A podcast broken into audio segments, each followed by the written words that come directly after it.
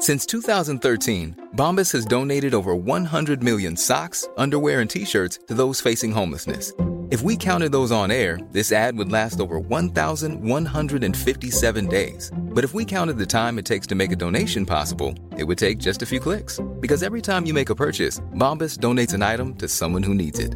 Go to bombas.com slash ACAST and use code ACAST for 20% off your first purchase. That's bombas.com slash ACAST, code ACAST. One size fits all seemed like a good idea for clothes Nice dress. Uh, it's a it's a t-shirt. until you tried it on. Same goes for your healthcare. That's why United Healthcare offers a variety of flexible, budget friendly coverage for medical, vision, dental, and more. So, whether you're between jobs, coming off a parent's plan, or even missed open enrollment, you can find the plan that fits you best. Find out more about United Healthcare coverage at uh1.com. That's uh1.com.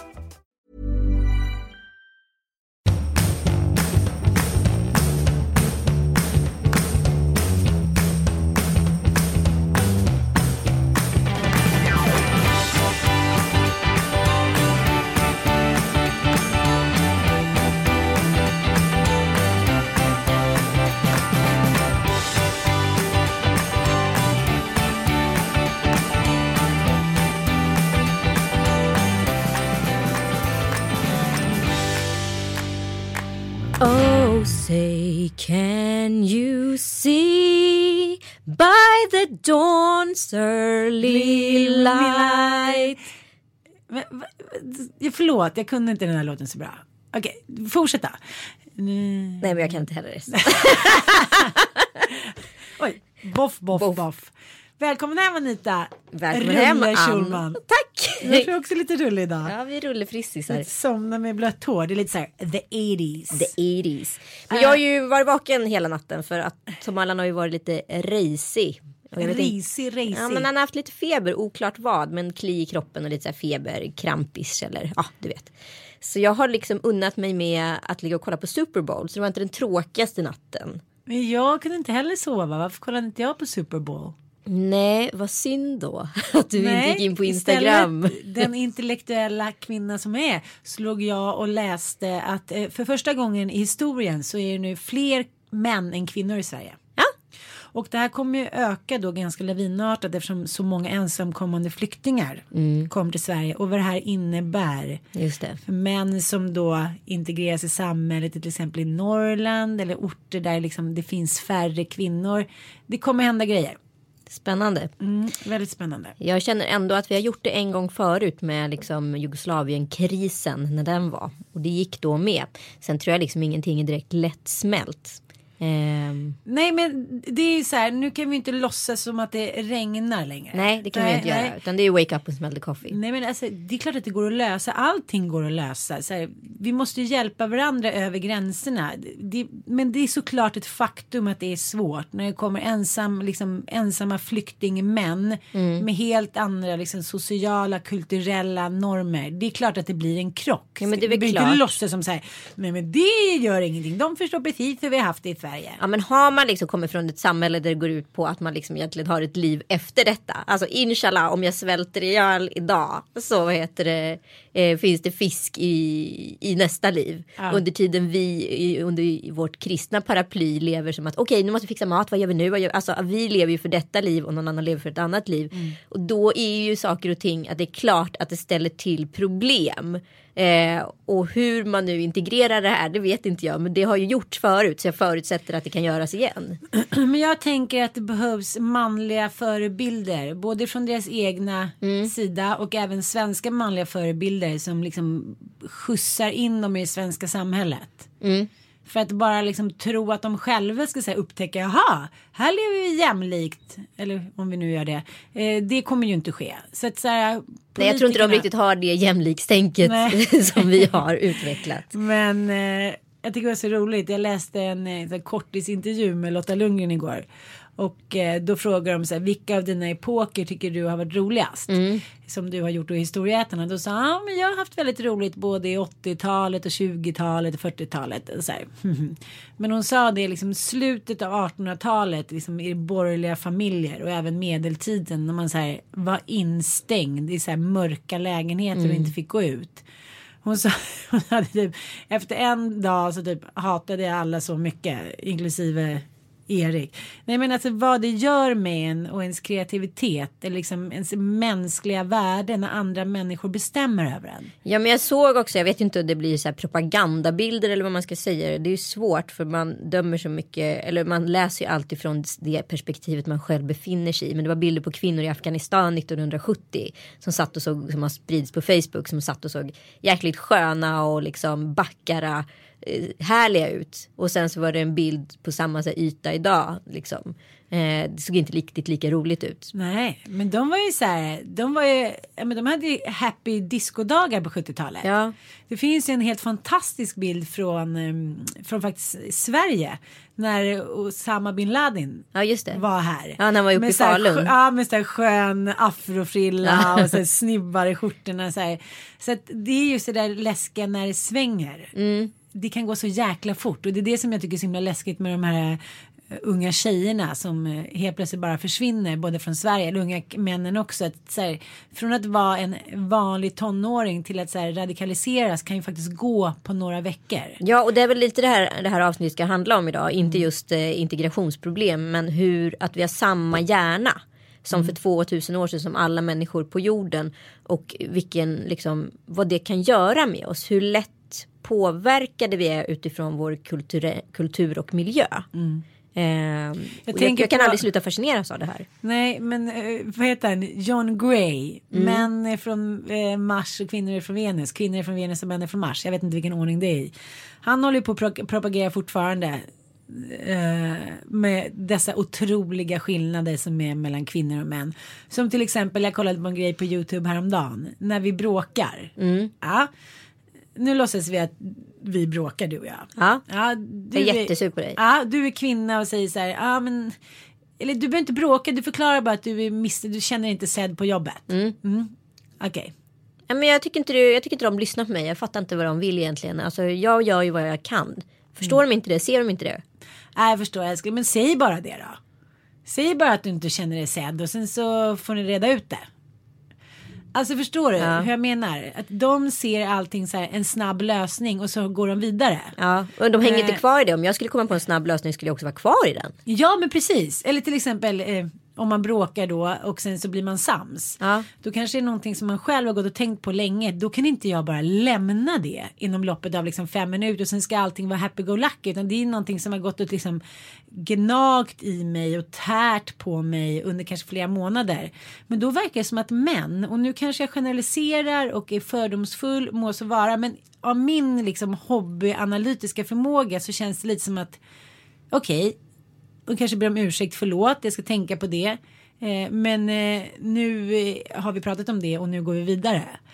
Och jag önskar av hela mitt hjärta, om det skulle finnas en gud skulle jag till och med be till honom. Att jag bara kunde göra det. Men då kommer så här Thelma och Louise missnöjet fram. Ja men förstår du vad jag menar? Ja, ja. Då, liksom, jag kan... Ska vi ta ett exempel? Ja, ta ett exempel. Vi har ju varit på Grankan, Gran Canaria, en underbar liten Nej, semester. men alltså vad fan hände? Det var bara som en liten en vecka av så här, en bubbla. Ja, men det var som en magi. oas i, Ja. sam, liksom i, i samtiden eller i vår samtid eller vad jag ska säga. Ja. Jag fattar ingenting. Jag hade liksom också ganska låga förväntningar när jag åkte dit. Sant. Det är det bästa man kan Ja. ha. Fast det kan ju bli skit ändå. Jo, men då är man lite på något konstigt mentalt plan förberedd på det. Eh, och sen var det liksom kanske en av de bästa semesterveckorna på riktigt jag haft.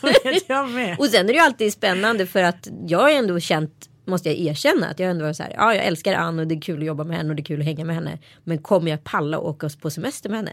Det gick ju hur bra som helst. Nej, men vi var ju de bästa vänner. Ja. vi längtade efter varandra. Ja, vi började ju smsa innan frukost.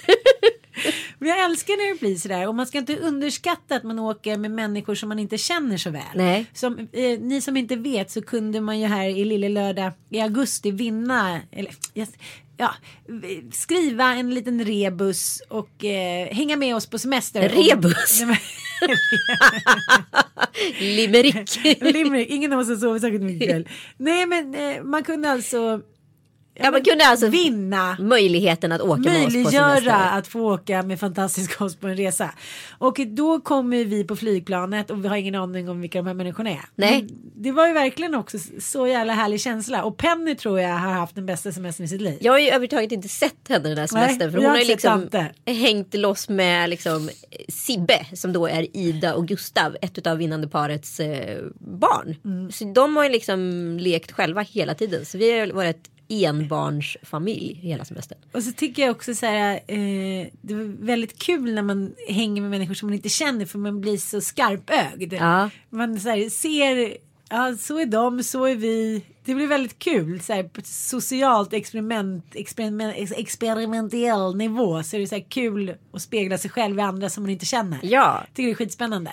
Hur som helst, vi kommer hem, vi har haft en underbar semester. Barnen åker till sin far. Mattias ska iväg på mässan som vanligt. Han ska nu vara med på ännu en mässa med sina lampor. Och jag är hemma och tvättar, lagar mat och handlar så här snäll mat mot han och hans mage eftersom han har fått magkatarr. Säger, ja men jag kör en ta hand om dag.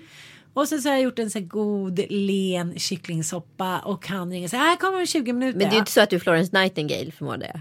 Nej absolut inte, jag bara berättar om min dag. Ja, nej, men nej men jag bara säger. För killar har ju problem med att vi eh, kvinnor bara lägger x antal timmar eller minuter på omvårdnad. För mer orkade inte vi bry oss om Nej men jag vet, vän. men eftersom våra män har liksom anklagat oss för både det ena och det andra den här semestern så tänkte jag så här, nu ska jag verkligen liksom sätta på mig det vänliga Florence eh, förklädet och så här googla vad som är snäll mat. Jag lagade en kycklingsoppa, helt fantastisk kycklingsoppa.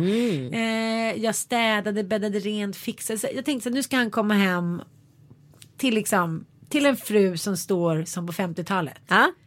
Eller 60-talet. Det var först på 70-talet kan man säga faktiskt att Ja, vi ja, ja. Ah, det har hänt mycket på fyra årtionden. Ah, hur som helst, då så kommer han typ, ja men han säger 20 minuter, han säger, ja men som män som alltid ska småljuga lite om sin tid. Eh, I och för sig jag också, män och kvinnor. Och då är det så här, så bestämmer jag mig att innan han kommer innanför dörren så ska jag inte vara irriterad. Nej. Nej, jag, liksom, jag lovar mig själv det.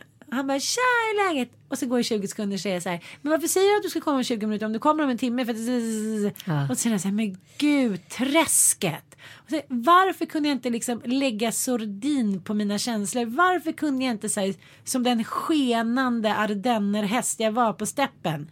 Nej, det kunde inte det. Nej. Och då undrar jag.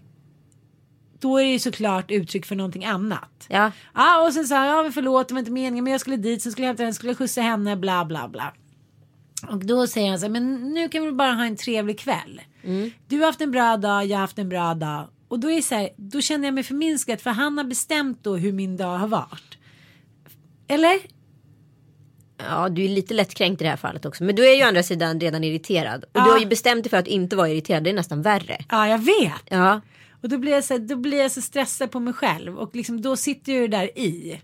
Och så somnar han då i soffan. Det blir så här. Men du vet. Och då läste jag den här forskningen när vi då var på Gran Canaria. För att våra män säger till oss att vi är översociala. För det som hände på Gran Canaria var ju att våra män gick och la sig före oss varje kväll. Ja och då ska vi ändå Glada.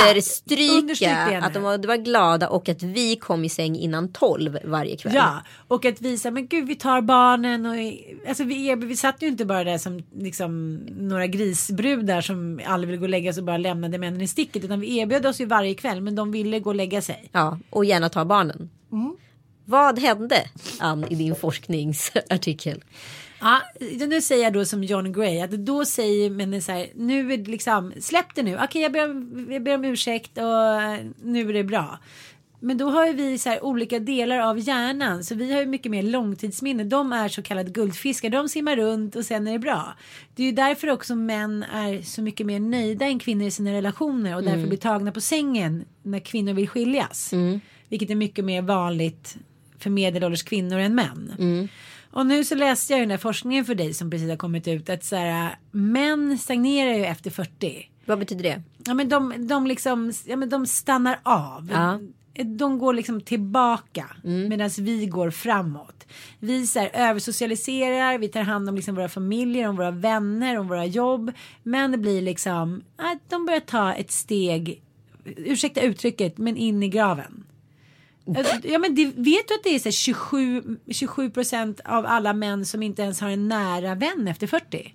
Nej men gud, det tror jag liksom ganska många män kan skriva under på. Jag tror inte Kalle har så speciellt många. Jo men han har en eller två nära vänner. Då i den här undersökningen eller forskningen vad jag ska säga så visar det sig att män är ju väldigt ensamma. Ja. Särskilt efter 40 för då är det så här nästan en av tre män har inte ens en enda nära vän. Och tänk dig då om man krisar på jobbet eller relationen eller med barnen.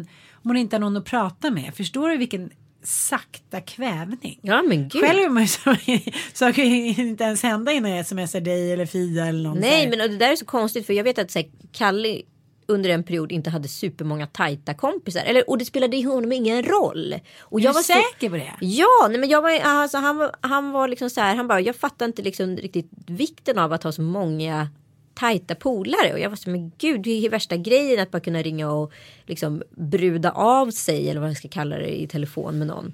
Eh, han var så här, ja men det kan jag göra med vem jag vill. Jag bara, jo det är ju absolut en frihet men eh, liksom någon som du så här anförtror ditt mörkaste inre åt. Det är ändå viktigt att ha. Men jag tänker min, mitt tjejmiddagsgäng. Vi har Ja. känt varandra. Många har känt varandra sedan vi var typ så här 9-10 och jag lärde känna alla i ungefär första ring. Mm. Och nu ska ju vi åka iväg på en liten resa. Nej. Jo men det gör vi hela tiden. Men jag har ju alltid fått barn eller spelat in någon tv-serie eller någonting. Men nu ska jag i alla fall följa med. Vi ska Ja. åka på en liten weekend. Och eh, det som händer när jag träffar de här människorna. Det är också så här att vi har känt varandra och älskat varandra. Och sett allas dåliga och bra sidor så länge. Så att så här, det är som att vara med sin extended family. Fast på ett bra sätt. För det är så här, ingen som dömer en. Om jag pratar för mycket kan det vara så här. Okej Ann, det finns andra här i rummet också. Så här, nu behöver inte du stå i centrum. Och liksom aldrig att jag skulle ta illa upp. Nej. Men om min man skulle säga det så Ja, skulle ja, ja. jag ta illa upp. Då tänker jag så här. Tänk om jag kunde liksom vara på den nivån som jag är med mina närmaste bästa tjejkompisar med min man. Då Fast jag- tänker jag om jag skulle vara det som ett experiment en dag. Då skulle man ju så här bajsa med öppen dörr. Eh, liksom bli för full. Alltså man skulle ju så här vara så som man är med sina bästa tjejkompisar. Och då skulle man ju faktiskt inte framstå i särskilt bra dagar. Nej, men jag har tänkt på det där väldigt mycket. Jag tänkte på eh, Nisse Hallbergs föreställning när sjuk. Ja, jag är sjuk. Jag är sjuk. Alltså, när han pratar om det liksom i det offentliga rummet så blir det ju ganska så här, ha ha ha, alltså det är ganska garvig stämning. Ja, ja. Men, men så tänker jag på så mycket sjukdom som så här, och galenskap som finns innanför en stängd dörr. Ja. Alltså jag tänkte på det verkligen på semestern att ett föräldraskap är så mycket enklare i en flock. Därför tycker jag att det är viktigt att man pratar om flocken och vad flocken gör med individen. För att du är mycket bättre förälder när alla ser på. Än vad du är när du går innanför ditt eh, hotellrum och stänger dörren. Alltså du blir mindre irriterad på barnen på en strand. Än vad du Ja, blir ja. innan fy- fyra väggar.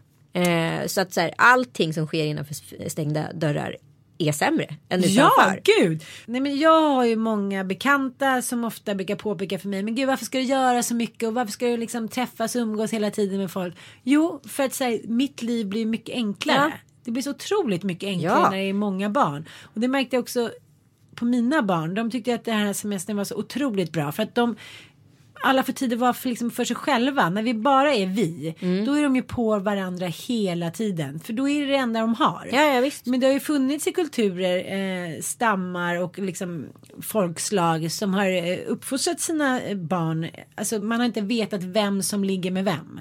Nej. Eller det har man ju såklart vetat, man har inte vetat vems barn som är vems barn. Så att de, de har uppfostrats kollektivt. Det är ju en väldigt fin tanke. Ja, ideologin är ju toppen. Men, Ja. men, eh, men så kanske inte liksom genomförandet blir så himla bra. Och där handlar det också om, alltså där skapar ju då, i och med att de har varit, levt här, en stam inne i djungeln och inte haft några andra referensramar. Så har ju de också egentligen stängt en dörr. Jo men vi vill gärna se En på vår... imaginär dörr. Jo jag vet, Ja. men vi vill gärna se på vår historia som så här. Ja, så fort vi liksom blev lite mer än apor då började vi leva monogamt. Vi tog, om hand, tog hand om varandra hit och dit. Men vi har ju ingen jävla aning. Vi kan ju lika gärna så här ha satt på varenda kotte i den där grottan eller gjort vad fan vi har velat uppfostrat kollektiv. Vi har ju ingen aning om hur vår historia sett ut. Fram, oj, förlåt nu rappade jag. Ja men du är ändå min kompis. Och jag kan ändå säga till dig utan att du blir förolämpad. Hur som helst, vi har ju ingen aning om hur vår historia har sett ut. Nej men det, det här är, tycker jag är Kanske har så... våldtagits, liksom, vi kanske haft det vidrigt vi kvinnor, kvinnor. Vi kanske har våldtagits av varenda liksom halvapa vi har träffat på. Ja men det här är ju så intressant ur flera perspektiv. Jag tycker att, att vi idag har alldeles för så här, Trångsynt. trångt liksom, seende på oss själva. Vi så här, förutsätter att en iPad är sämre än, än, en, än en bok. Men för en grottmänniska då är ju båda två lika mycket science fiction. Förstår du? Alltså från ett ursprungsperspektiv. Vad är bättre eller sämre?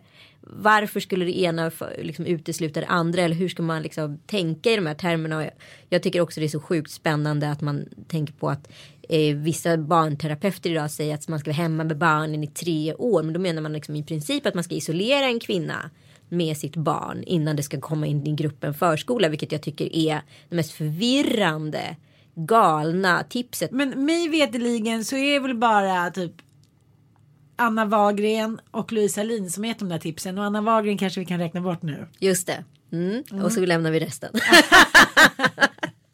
eh, Ja men jag önskar så. För jag, jag skulle så gärna vilja bo i kollektiv men jag tror inte att jag skulle klara av det. nej, det tror inte jag heller. Det finns ju väldigt få människor som man älskar mer än två dagar. Men kan inte du, nej men jag, jag, måste, jag kan inte släppa den här tanken, kan inte du ändå bli helt galen utav vetskapen att den hjärnan som fanns hos grottmänniskan, Ja. Den är samma hjärna som vi har. Det enda som har förändrats är egentligen kultur De sociala koderna. och miljö. Alltså det är inte ens arv och miljö utan för att det är ingenting som har hänt. Det är egentligen bara intrycken som har fått mera lager. Alltså vi har ju kunskap idag, vi har ju tillgång till information, vi vet saker, vi vet att man sitter vid ett bord och äter för att någon har lärt oss det liksom. Men om vi inte visste det, vad skulle vi göra? Och det, det som påstås vara liksom lösningen på det, det är ju som From pratar om i sin eh, lära, eh, alltså psykologen och eh, filosofen. Eh, han säger ju att det enda som har, liksom, kristendomen egentligen har hjälpt oss, eller religionen, det är att ställt oss i leden. Så att vi inte sitter och runkar och rapar och fiser. Alltså kristendomen har ju fått oss att blivit liksom eller religionen har ju fått oss att bli människor på ett sätt som har, känner plikter, känner trohet och så vidare. Det är det som det, en, alltså den faktiskt har gjort och också eh, genererat någon bas till någon typ av lagsamhälle. Alltså hur vi, hur vi bedömer vad som är rätt och fel i samhället. Nej men det är ju det forskningen faktiskt vågar påstå att så här, Homo sapiens överlevde. Inte för att vi var så smartare, bättre på att döda eller ligga eller vad det nu hade. Utan att vi kunde föreställa oss saker. Ja men också att vi kunde kommunicera. Att vi kunde Precis. säga där borta är lejonet. Ja, Istället för att vi bara oh, sprang in och mötte ett lejon. mm, precis. Och jag blir så jävla fascinerad av den där gamla grottan där det är så här hundratals händer Ja. bara på väggen. De har tänkt att de ska så här give it to the afterword. Ja, att man har den tanken och också. Men det var ändå neandertalarna som begravde sina mm, döda. Alltså de var de första som gjorde de ritualerna. Där var ju Homo sapiens egentligen någonting som vi har lärt oss från neander och så vidare.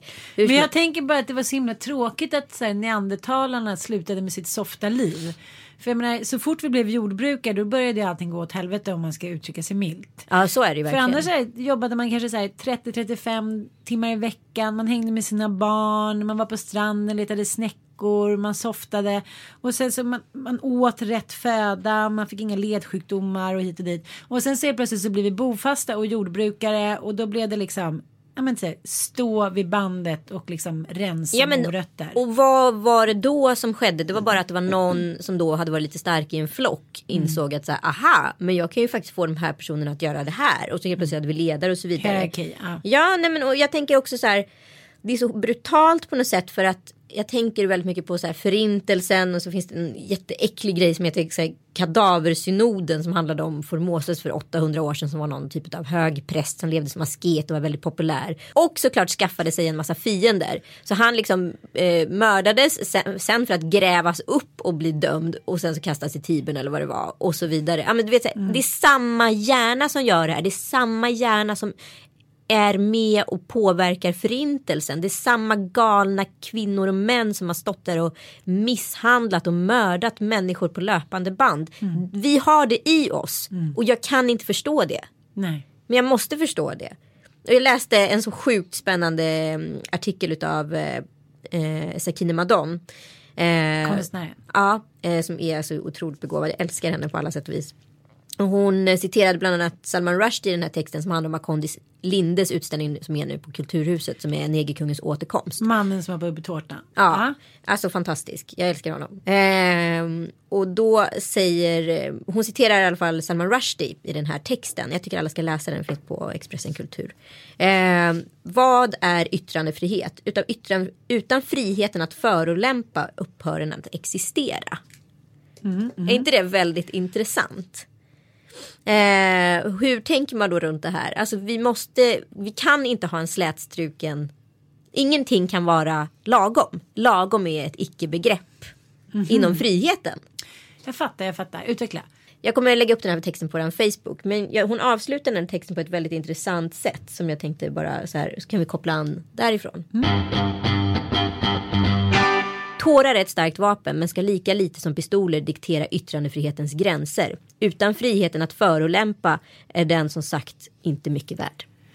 Nej, det är bra. Vettigt. Mycket vettigt. Jag tänker på det här med tårar. Ja. Eh, hur män som då inte riktigt har samma hjärna som vi. Att de tycker att det är så otroligt obehagligt när man gråter. Ja. Så här, det finns någonting ursprungligt i dem som så här, det är nästan värre. Det är värre än vad som helst. Det är värre än att bli av med jobbet. Det är värre typ en krig och svält och död. När liksom en man ser sin kvinna gråta. Då, då är det så här. Det är någonting som händer i dem. Ja. Har du inte varit med om det? Jo, nej men alltså det är det bästa så här. Jag tänkte så mycket på det på Bachelor, ja men mitt favoritprogram uppenbarligen. Eh, jag älskar amerikanska Bachelor också, inte bara det svenska. Vad som händer med männen som då är Bachelors med de här tjejerna då som sitter på sin eh, drömdejt. Om de väljer gråttaktiken eller inte. Så jävla trumf de drar. Alltså att de, istället för att vara den roliga, lite rappa, smarta, äventyrliga tjejen väljer man den sårade kvinnan. Men vilken väljer de då? Ja, men de väljer alltid den sårade kvinnan. Eller hon, hon vinner inte på slutet men hon kommer i alla fall med. In i slut. Hon kvalar in i slutomgång. Jaha, men vadå, då är det ju inte särskilt bra att börja gråta ändå menar du? Nej men jo men jag tror man kan ta sig väldigt långt med gråt. För det händer någonting med män. Alltså de, de slutar agera rationellt. Ja, det är sant. Ja.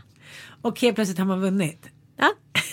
Men brukar du gråta? Nej jag är ganska dålig på att gråta. Men det är kanske en strategi det med höll jag på att säga. Eller det går ju inte att bestämma faktiskt. I och med att jag gråter så pass sällan. Men när jag väl gråter. Då är det som så här. Alla Kalles vapen bara läggs ner. Det är sjukt alltså. Men I början grät jag mer. Då var han ju aldrig arg. Men hur ofta skulle du vilja säga att du gråter? Nej men gud jag gråter ganska sällan och det är verkligen ingenting att skryta med. Men eh, jag kanske gråter två, tre gånger per år. Och nu tänker jag ställa en mansgrisfråga. Ja. Hur ofta är det eh, relaterat till PMS? Eh, ganska ofta. det var en kvinnogrisfråga.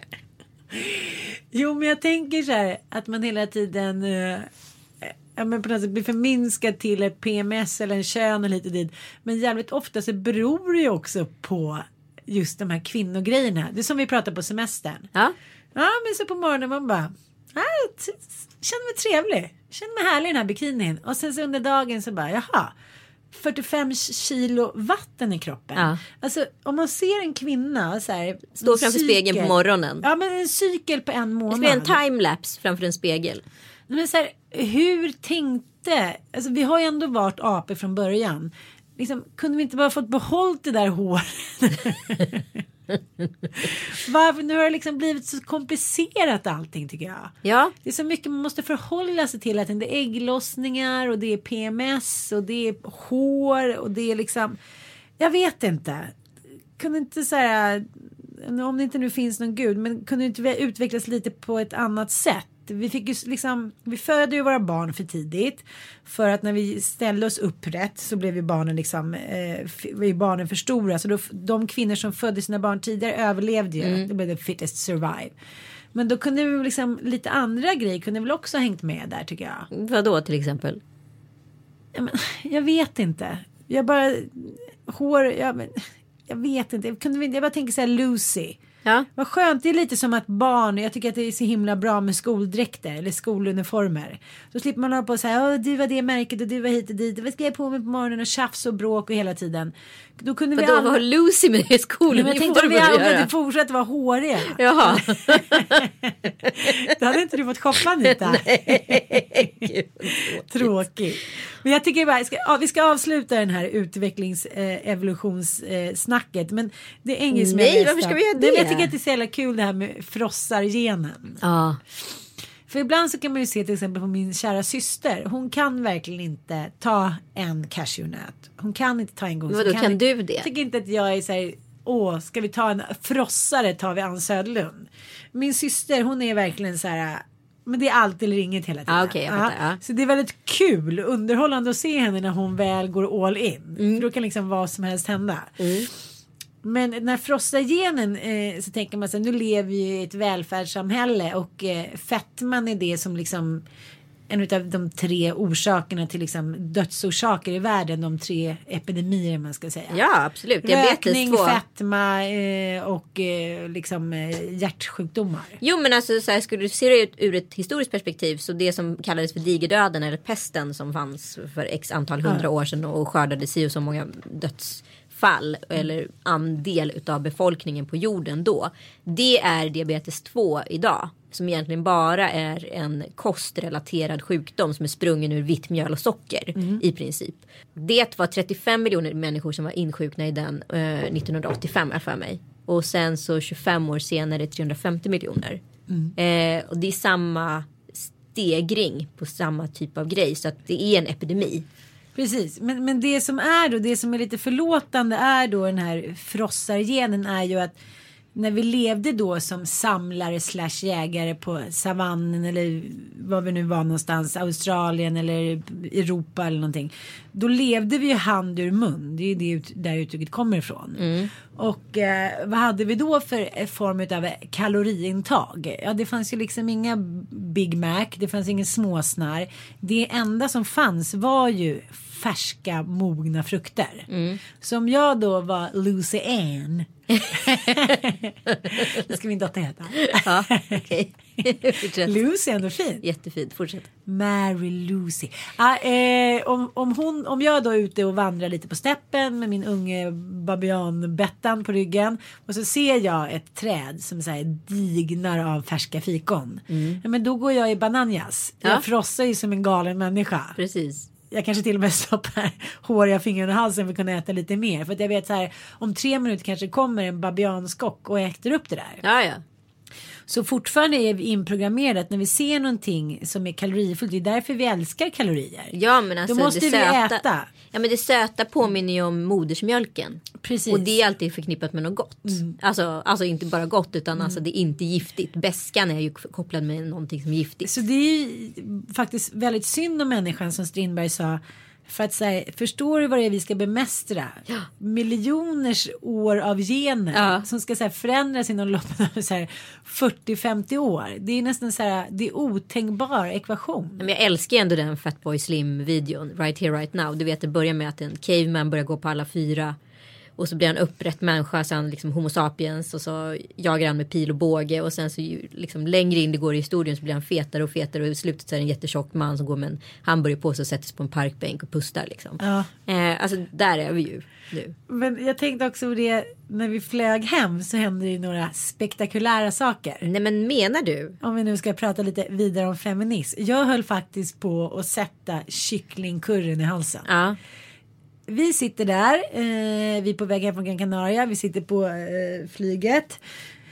Och så plötsligt så ska, säger en av flygvärdinnorna, seniora flygvärdinnorna, så här, ja nu är det så här att eh, våra några har frågat eh, efter våra populära skraplotter.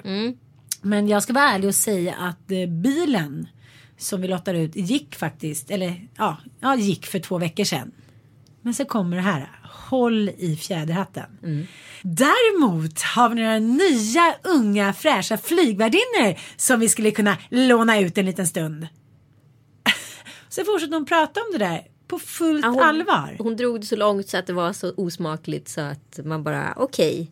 Men det här är ju det som är intressant. Nej jag, men alltså jag höll på, jag visste inte om jag skulle skratta eller gråta. Det här var ju förmodligen då den snygga 40-talistkvinnan som gick Mm. omkring och var väldigt så här, eh, service-minded. För det, hon var väl den som var äldst. ja men det var så här Hon Sylvia Vrethammar. Ja, lookalike. Ja. Men jag tänkte så här. Snart så förstår hon eller inser att hon har liksom sagt, att så här, gjort en pudel. Ja. Men det förstod hon inte. Nej, Utan hon glad i hågen fortsatte servera gin och tonic. ja ja ja. Men sen hörde jag när jag gick ur planet stod en av de manliga stewarderna och skämtade med dem som var födda på andra sidan seklet höll jag på att säga. ja, men de lite äldre. Att liksom, vi ses på Stureplan då. För då var det väl han som hon kanske syftade på som skulle lottas ut. Eh, Aha. bland några andra. Men det här är intressant för vi lever i en tid där jag antar att de som levde på 1800-talet, var födda på mitten av 1800-talet och levde in på mitten av 1900-talet. När de då kom med sina oerhört, vi har ju pratat om det i tidigare poddar, eh, oerhört lutherska förhållningssätt till livet. Då när den här 20-talskvinnan som har slagit sig fri och liksom blivit eh, någon förtida version av en feminism. När de två världarna möts. Vi är i samma typ av paradigmskifte för att använda ett ord jag gärna använder i den här podden. Mm, Du märkt. älskar att använda Ja. ordet. Hela du Eh, är en paradigm. Ja, hela jag är det. Nej men det är ju där vi är. Alltså det här är ju, alltså den här feminismfrågan det är ju ingenting som vi kommer kunna lösa inom loppet utav eh, tre år utan det här pratar vi om en generationsförflyttning. Eh, och jag tänkte på en sak, det är väldigt många kvinnor som är emot kvotering idag. Och jag tycker det är väldigt intressant och konstigt på ett sätt. Och det är många av de här kvinnorna som är superkarriärister. Men nu Eh. pratar du som att du står och liksom kör någon aktuellt på. Du, så, du så här, förtydligar varje ändelse. Du, är det här Nej, något nytt? Du, vill du visa att det, här är, liksom, att det här är starka politiska Anita? Nej absolut inte men jag tycker det är intressant att prata om ur ett perspektiv. Och vi har ju faktiskt en podcast, det är ju inte bara ett samtal vi för och får betalt Nej, för. Utan, nej men, precis. Då jag, det här kanske blir så när jag läser vilka ämnen jag ska dra. Jag har, vi har ju faktiskt ett manus som man kanske kan tro, även om man inte tror nej, det ibland. Nej men du, du, eh, du lägger inte märke till din paradigmskifte på rösten. Men precis när är de nya, nej. Nej, nej, okej. absolut inte. Nej, gud underbart, vad underbart, roligt. Men jag tänker bara att ibland för dramaturgin också i en podd så måste man ju också ändra rösten. För det är det enda liksom, redskap vi har just nu för att kunna göra någon nyans. Om jag skulle prata så här hela tiden skulle det vara ganska tråkigt att lyssna med mig tror jag. Jo, jag det- vet, men vi måste ju hela tiden gå tillbaka till Lex Marika Lagerkrans. Ja, ja, men absolut, absolut. Lex Marika Lagercrantz. Jag hoppas jag inte hade så här På för skakig, Värsta, darrande ja. röst. Liksom. Guldbaggegalan. Nej, men det är många kvinnor på KTH exempelvis som är väldigt så här, framstående inom sitt skrå som eh, är emot kvotering. Men Men jag vet. för att de är så här, vi klarade oss. Det är inget konstigt, men de är ju å andra sidan väldigt liksom eh, ovanliga ur nischen kvinnor på en arbetsplats eller i en arbetslivssituation. Och jag tycker jag ser, när jag bara tänkte på de här KTH-kvinnorna så tycker jag att jag ser väldigt många av de här exemplen i eh, toppskiktet i näringslivet. Så här, de liksom toppkvinnorna, alltså vad heter top bitch. Om man nu skulle prata ur, ur hund eller djurperspektiv. Först kom griskvinnorna, nu Sen kom, toppbitcharna. toppbitcharna. De använder sig ju många gånger av att själva sätta sig i en ledarskapsposition, göra första cirkeln närmast dem fylld med män. Andra cirkeln är det uppblandat med kvinnor för att Mm. de kan inte jobba tillsammans med andra kvinnor. Men jag tänker mycket på det här som vi har pratat eh, gener, evolution eh, och så vidare och kvinnorevolution. Menar du att de har om de här kvinnorna som tänker så här eller eh, vad man ska säga så här tänker bort sina medsystrar. Har de omprogrammerat sina hjärnor för att slå sig fram? Ja, eller så har de fått en, en manlig gen. Inte vet jag hur det funkar. Jag tänker bara att återigen hjärnan är en muskel. Den är upp till liksom egentligen vilken miljö, alltså den är påverkad av den samtid och miljö vi befinner oss i. Om vi befinner oss i en miljö där vi liksom kanske märker att åh, vi kanske ska använda våra kvinnliga krafter här i, ett, eh, i en samling bland massa män. Eh, då kanske vi inte heller du kanske mer också reagerar som att kvinnor är med hen, brudar är på ett visst sätt. Jag är inte en brud. Jag vet också för jag jobbade på MTG på den tiden, att när TV6 eller sexan gjorde sin kommunikation så förstod man inte varför sexan då som egentligen var en grabbkanal attraherade Absolut. så mycket tjejer. Nej. Och det var för att tjejer som tittade på sexan var de som inte kände sig hemma på trean. För trean var så mycket mer utvecklat och liksom färgmässigt allting eh, skalat till kvinnor. Och de kände sig aldrig hemma i den gruppen. Och då var sexan så här, okej vi kanske måste ändra våran kommunikationsplattform på ett sätt. För att eh, få in kvinnorna mer. Nej, det ska ni absolut inte göra, sa kommunikationsbyråerna. Det är precis det här kvinnorna vill. För de vill alliera sig med männen. De vill inte alliera sig med andra kvinnor. För de känner ett eh, ni och vi mot brudar. Galenskap. Ja, fast det är inte alls konstigt tror jag. Jag tror inte alls det är galenskap. Jag har själv varit en sån typ av tjej och du är med. Som har varit en så här eh, snubbepolare liksom. Absolut. Och också varit en väldigt stolt snubbpolare. Ja. Att där, jag fick vara med när de andra tjejerna inte fick vara med. För jag var så här tjejernas kille. Ja, Ja. exakt. Och då kan jag tänka så här efteråt. Varför var jag stolt över det? Mm. Eller varför var jag stolt över när mitt ex sa så här. Men gud vi är inga svennebananas. Så här, vi kan aldrig, vi ska inte rätta in oss i ledet. Fast det var det enda jag egentligen ville. Ja. Att så lättformad eller så lätt liksom missledd som eh, jag tänker att vi kvinnor ofta är. För att vi vill liksom. Jag tror vad lags människor eller- är. Ja, jo så kanske man också kan säga. Men jag, det som slog mig så himla mycket slog ner mig i skorna. Det är att eh, vi så ofta, kvinnor och män, slår ner på våra svagheter. Istället för att tänka så här, okej, det här är hennes eller hans svaghet. Och så täcker jag upp lite för dem eftersom hen är så bra på det här andra. Eh, om man skulle tänka så, liksom, om man skulle tänka så hela tiden så skulle det vara så jäkla mycket mindre relationsspråk till exempel. Jag tänkte på det så tydligt att jag är ju väldigt dålig på att packa. Men så här, ja, Det sjukaste scenario som kom. Jag och Kalle så här. Lalala, lommade från frukosten och skulle så här, kolla status på familjen Söderlunds rum 217. Då var det liksom grejer högt och lågt. Jo, men grejen är så här att jag tar ju med mig eh, lite saker för jag tänker så här, det här kommer räcka. Det är varmt, det är skönt, man kan tvätta lite eller köpa nytt typ. Och sen så shoppar jag ju på ganska mycket oftast Ja. när jag är utomlands. Så när jag ska åka hem så säger då räcker det ju inte. Och då Nej. tycker jag det är jobbigt så vill jag inte riktigt erkänna det så ska jag börja packa i små påsar. och sen till slut så blir jag bara så här. Jag inser att hur, hur ska det här gå till? Jag får Ja. inte ihop det. Nej. Och då blir jag som jag blir, att jag, då tappar jag styrfart. Ja. Då börjar jag kanske läsa en liten skvallertidning eller lägga ut en bild. Alltså, det blir för mycket. Det Ja men du mycket. sätter dig i kaoset och så bara la la la Ja. zoomar ut liksom. Strutsar dig igenom. Ja, det här är en otrolig svaghet jag har. Ja. Ja, och då tänker jag så här. Det här gör ju Mattias galen. Förstår jag. Jo men det förstår jag också. Men då är det så här. Kan inte han täcka upp för mig då? Jag tycker ändå att jag täcker upp för honom på massa andra sätt där han är svag.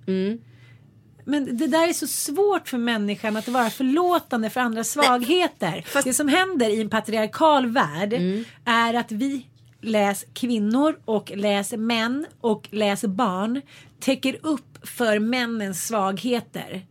Så att när de står liksom på den stora arenan då framstår de som jävla supergeni och perfekta. För det finns här kvinnan bakom mannen. Eller hur Kristoffer? Gud vad jobbigt. Hej hej.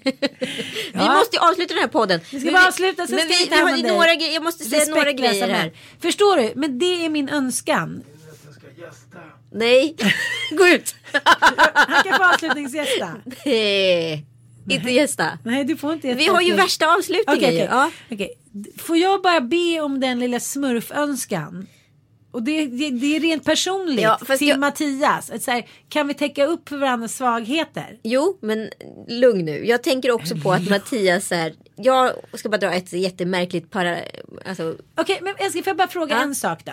Om jag inte vore kvinna, Ja. vet du hur många kvinnor, aka, bästa vänner jag känner, som packar åt sina män? Och då menar jag till allt. Även Nej, om men de ska på en jävla affärsresa så packas annars glömmer han allting bla bla bla bla. Och det skrattar folk, det är lite gulligt, det är en liten så här, en liten gimmick. om vi är släpper det. liksom själva packningen utan Jo mer men så varför, fokuserar varför på... kan inte jag vara en kvinna som är dålig på att packa? Jo, det kan du visst vara. Men det jag säger är, det jag tror Mattias hamnar i för tillstånd när han ser det, det är när jag en gång såg en pundare tappa en massa pengar. Eh, i mynt. Och han hade väldigt mycket tjack i kroppen in i en matvaruhandel. Så fortsatte han liksom tappa de här mynten. Han plockade upp dem och tappade dem återigen. Ta- plockade upp och tappade och tappade och tappade. Och jag blev så låst utav det här scenariot så det blev nästan hypnotiskt för mig. Det är så jag tänker att Mattias hamnar i för tillstånd när han ser dig gå runt, gå runt, gå runt i cirklar. Nej men det var ingen cirkel. Det är bara att när jag kommer till det här tillståndet där jag förstår att jag har en väska för lite. Ja, Då blir jag stressad. Då, Jag får, jag, förstår. då får jag packningstilt. ja. Ja, och då får han liksom fixa det sista, precis som min tidigare man fick fixa det sista, precis som min tidigare man fick fixa det, precis som min tidigare man. Och då tänker jag så här, så många svaga, jag har väldigt många styrkor också. Ja, Absolut. ja men förstår du vad jag menar? Ja.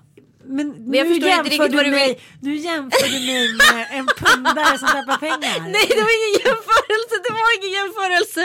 Det var, jag, men vet, jag försökte effektiv som jag förklara. också kan vara till exempel när jag shoppar. Alltså det var det sjukaste jag varit med om. Hur snabbt Mm, jag är du shoppar. snabb. Ja. Herregud. Jag provar inte ens kläderna. Nej du bara skannar och går. Ja. Okej, men då borde jag egentligen ha en annan typ av man då. Ja kanske, inte vet jag. Men vad ska jag då ha för man? Nej men för du är ju mannen, det har vi pratat om så många gånger i er relation. Du får bara gilla läget. Apropå en, en, apropå en annan kvinna som är mannen i en relation. Kommer du ihåg det legendariska eh, hissbråket på Met-galan i, i New York med Beyoncé, Jay-Z och Ja. Eh, vad heter hon? Solange. Azulage. Alltså det är den bästa paparazzi-bilden jag någonsin Ja men har den sett. måste vara, alltså. Tagen, smygtagen från en kamera Ja. i hissen. Och ikväll, eller i natt. Den är, den är, får jag bara säga, den är ju i klass med Dodi El Fayed Ja. och Diana. När man fick se den filmen efter deras krasch. Ah. Oh my god. Nu fick jag bröstfräs. Hon den kvinnokvinnan som är mer som en man i deras relation. Nej känns men hon vill ju påpeka att hon säger Jag äger mina egna grejer. Jag mig har själv. köpt min egna Men det mat. som hände var att la, Solange la, la. så här gav. Men det som sker i hissen är att det har ju gått. Ryktena har ju gått. Att Ice-T. Jay-Z. att Jay-Z, Ice-T, Dr. Dre. Eh, har varit otrogen. Mm. Med en annan tjej. Det har pågått länge. Ja men så här, relationen är ju tens. Ja, ja. Och det har ju druckits lite skumpa hit och dit. Och eh, han har på den här festen tror jag också suttit och snackat med den här tjejen. Oh ja. Ja, och då eh, går kompis till Kim Kardashian. Ja, då går Solange bananas och typ Lappar. lavaterar. Eh, Hon smack his bitch ja, up. ja. Så, och precis då så öppnas hissen. Och du vet den där så här ridån faller. Man kan ju inte annat än att älska sådana miner. Nej, nej visst. Okej. vi Beyoncé går och ler lite märkligt. Ja. Solange ser bara helt vansinnig ut. Och Jay-Z går och håller sig för kinden och ser helt chockad ut. Ja. Hur som helst så sjöng ju Queen Bee Beyoncé igår eller i natt på Super Bowl. Och hon gjorde sin grej som hon gör. Men nu börjar jag tröttna på hennes dansrutin. Ja men vi kan, vi kan lyssna lite på det här. Ja, vi lyssnar lite på det här.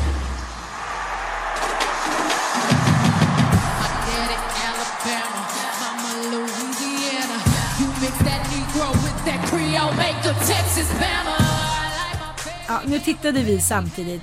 Det känns lite så här, sett det förut. Ja, exakt. Beyoncé. Ja. Men då måste jag ändå säga så här. Bruno fucking Mars. Alltså han ägde Super Bowl. Så hårt, så hårt. Ja, alltså den dansen. Det är så här.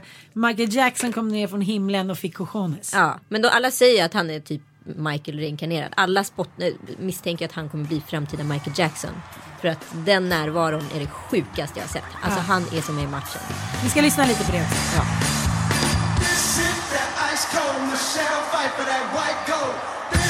For them hood girls, them good girls, straight masterpiece. Silent, wildin', living it up in the city. ja, men helt fantastiskt, eller hur? Ja men helt fantastiskt. Men eh, apropå saker som man pratar om som sen sker. Ja. Eh, vi pratade lite om det här med 90-talet. De, så här, skolans populäraste tjejer hade alltså mjukisbrallor, höga mockastövlar och camel toe. Det var så här, you're hot if you have a camel toe. För er som inte vet vad en camel toe är så är det att eh, när byxorna antingen är lite för små så att de sitter lite för tight. så att blygläpparna liksom väller över. Ah. Är det så man kan säga? Ja. Eller också så är det ett medvetet val att man har dragit upp randarna. Exakt, man vill show off them lips. Ja, men igår när jag var på gymmet så var det inget medvetet val. Nej. men de satt där Ja, ändå. men vi pratade om det. Och jag hade ett par eh, guldbyxor i storlek small och eh, ja, den här lilla semesterveckan hade satt sina spår. Så att jag står då på, på gymspåret, vad heter det? Gym... Treadmillen. det märker jag ofta jag tränar. Och ser min härlighet slå mot mig. La! I en camel toe. Jag ska visa en bild för dig. Som jag tänkte skicka till dig men aldrig gjorde. Jag förstår inte varför. Det var jätteroligt. Nej jag fick. Det, det, Under det- tiden Ann visar bilden på sin kameltå så låter vi Lady Gaga avsluta den här podden med Oh the land of the free. Nej men gud. Puss och kram. Puss!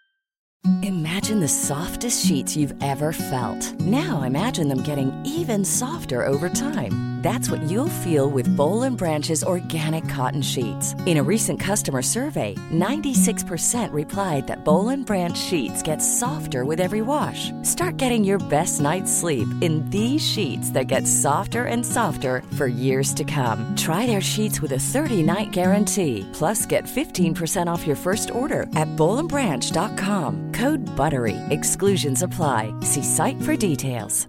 Hey, it's Paige DeSorbo from Giggly Squad. High quality fashion without the price tag. Say hello to Quince. I'm snagging high-end essentials like cozy cashmere sweaters, sleek leather jackets, fine jewelry, and so much more. With Quince being 50 to 80% less than similar brands. And they partner with factories that prioritize safe, ethical, and responsible manufacturing. I love that. Luxury quality within reach. Go to quince.com slash style to get free shipping and 365 day returns on your next order. Quince.com slash style.